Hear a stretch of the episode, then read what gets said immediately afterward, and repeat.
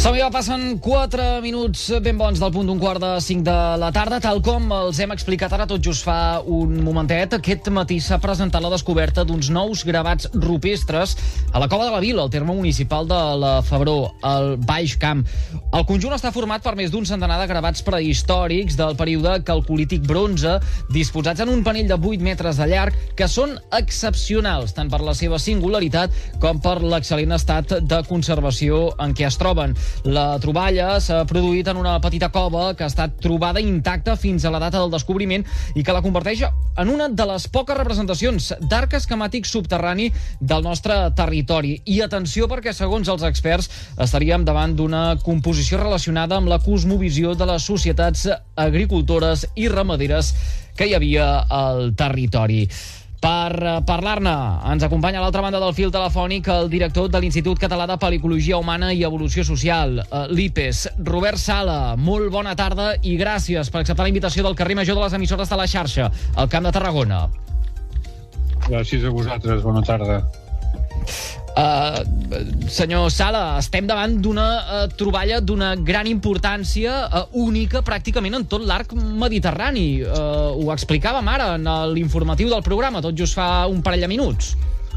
És així, és així. L'arc mediterrani és molt ric en, en pintures rupestres, eh, però gairebé totes són en, en petits abrics poc profuns, a la llum del sol, i aquest és un, és un conjunt que es troba en una cova profunda i és un conjunt molt ric i molt ben conservat. I això el fa únic.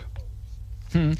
Uh, doctor Sala, com s'explicaria que fins a dia d'avui hagués passat desapercebut? Ningú s'hagués uh, fixat precisament en què aquesta cova conservava uh, uns vestigis uh, tan importants per poder estudiar el passat i els uh, avantpassats del nostre territori?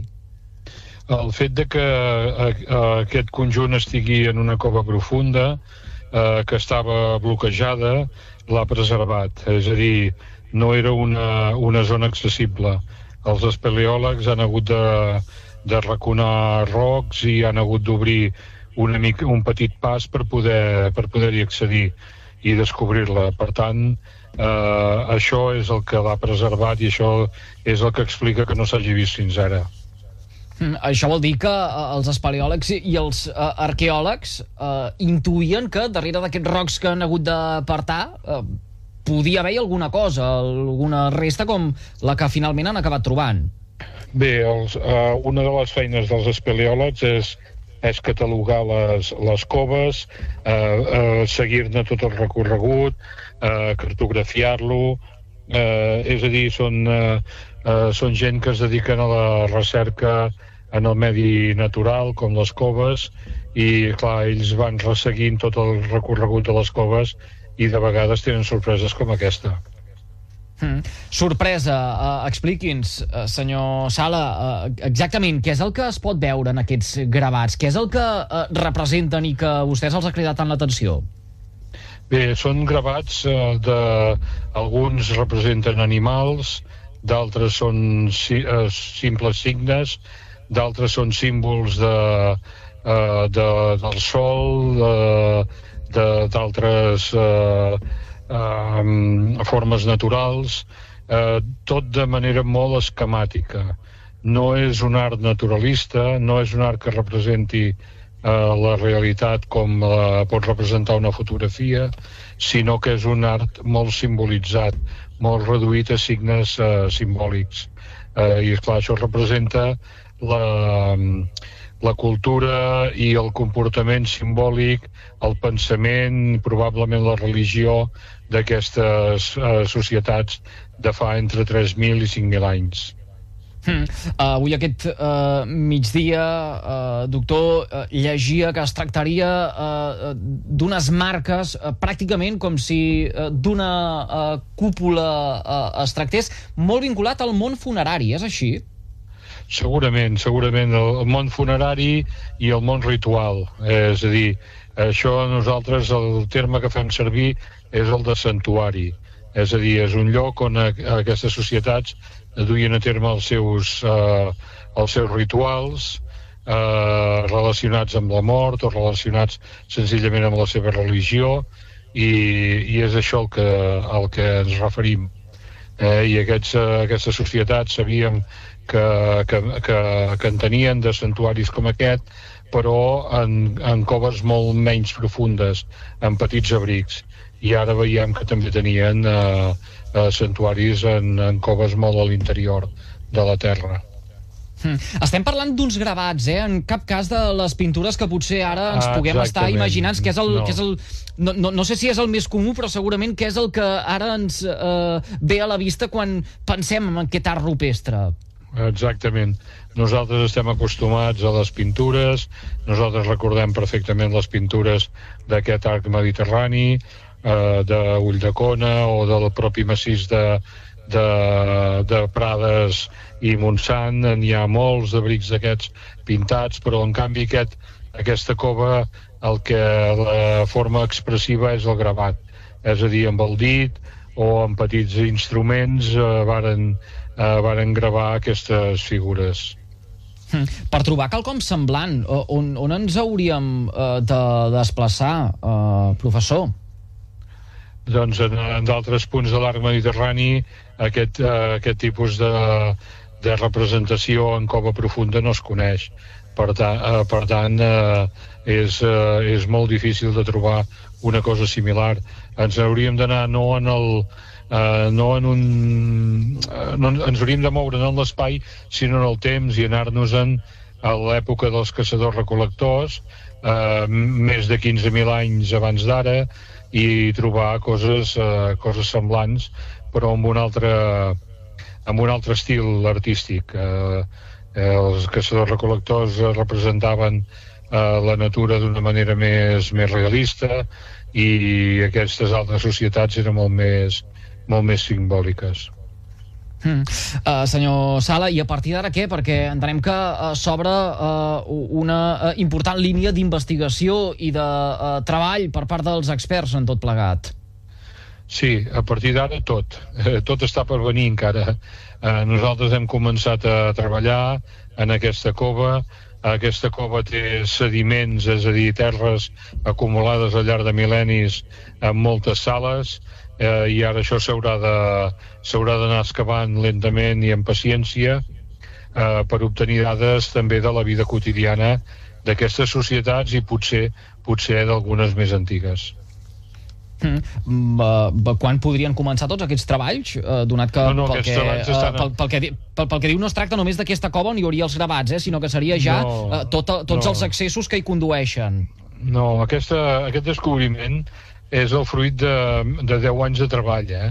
Uh, no és un fruit casual, no és l'inici de la recerca, és un punt en, en més de 10 anys de, de recerques a la zona de Prades i Montsant, eh, que nosaltres des de l'IPES eh, hi portem a terme un projecte que s'inclou en un de més gran que abasta la vall del Francolí i del Gaià. Per tant, és un treball arqueològic i geològic eh, que porta molts anys de recorregut i que això doncs, continuarà endavant ara amb una descoberta importantíssima a mig camí. Hmm. Pel que n'ha anat veient fins ara, o pel que s'han anat trobant fins ara, en tot aquest uh, recorregut de, de 10 anys, uh, professor, uh, s'espera, no es pot fer algun pronòstic del que uh, pot passar o el que uh, pot succeir en les uh, futures excavacions? Sí, en les futures excavacions el que trobarem serà l'espai de vida, perquè aquestes comunitats eh, vivien, eh, feien servir les coves per estabular els animals, eh, els ramats, per viure i ells eh, durant part de l'any, i per tant podrem trobar les restes d'aquests habitatges, eh, podrem trobar doncs, les restes dels animals que consumien i podrem veure una mica la vida quotidiana d'aquestes societats i si aquestes coves són més riques del que ara sabem, doncs potser trobarem restes més antigues. És a dir, ara en tenim aquests gravats són de fa d'entre 3.000 i 5.000 anys, doncs potser en trobem de més antigues i que corresponguin als caçadors-recolectors. Hmm. Quant de temps eh, es calcula que poden arribar a durar aquestes intervencions, professor? Ah, de, de desenes d'anys, això no s'acaba pas en dos dies. Eh, això tot just estem començant. Eh? -hmm. Portem 10 anys, però és només, és només un tast. Eh, aquestes investigacions duren molt any, molts anys. Penseu que els jaciments que, eh, més importants que treballem des de l'IPES, com són Atapuerca o l'Abric romaní, hi portem més de 40 anys. Eh? Per tant, tot mm. això és molt llarg. Projecte, per tant, a llarg termini, eh? Mm, de, sempre de, de, de treball termini. amb... Sí, mm. sempre a llarg termini. Mm. Uh, professor, per tal que uh, l'audiència se'n pugui fer una uh, idea de, de la magnitud, pugui visualitzar també totes aquestes uh, troballes, uh, aquest matí s'ha fet la presentació també en companyia de la directora dels serveis territorials del Departament de Cultura uh, Tarragona. Uh, es preveu uh, la museïtzació d'aquest espai o la creació d'algun tipus d'instal·lació per tal de poder apropar el jaciment a la ciutadania? Nosaltres des de l'IPES ho hem plantejat. Eh? Eh, el, els gravats aquests han estat eh, microtopografiats i per tant ara se'n té un registre molt, molt precís i molt detallat que eh, es pot fer servir, per exemple, per imprimir-lo eh, i fer i fer accessible i eh, que, que la ciutadania pugui veure aquests gravats en un altre punt perquè la galeria on s'han trobat eh, no, no serà accessible. És a dir, està molt a l'interior, és molt petita, eh, qualsevol visita allà podria malmetre el, les, les restes, podria malmetre els gravats, per tant s'ha de treballar en portar una còpia d'aquests gravats a un altre punt eh, a un altre punt del poble. Això és el que nosaltres hem plantejat. Eh? De moment l'administració la, que ha fet, evidentment, ha estat tancar i protegir la, la cova eh, i evitar així que es pugui malmetre. I ara el següent pas que s'ha de fer és eh, començar a treballar, però també serà un altre procés llarg, començar a treballar perquè a la Febró hi hagi eh, una sala en què eh, els, els visitants, la ciutadania, pugui veure aquests gravats. Mm.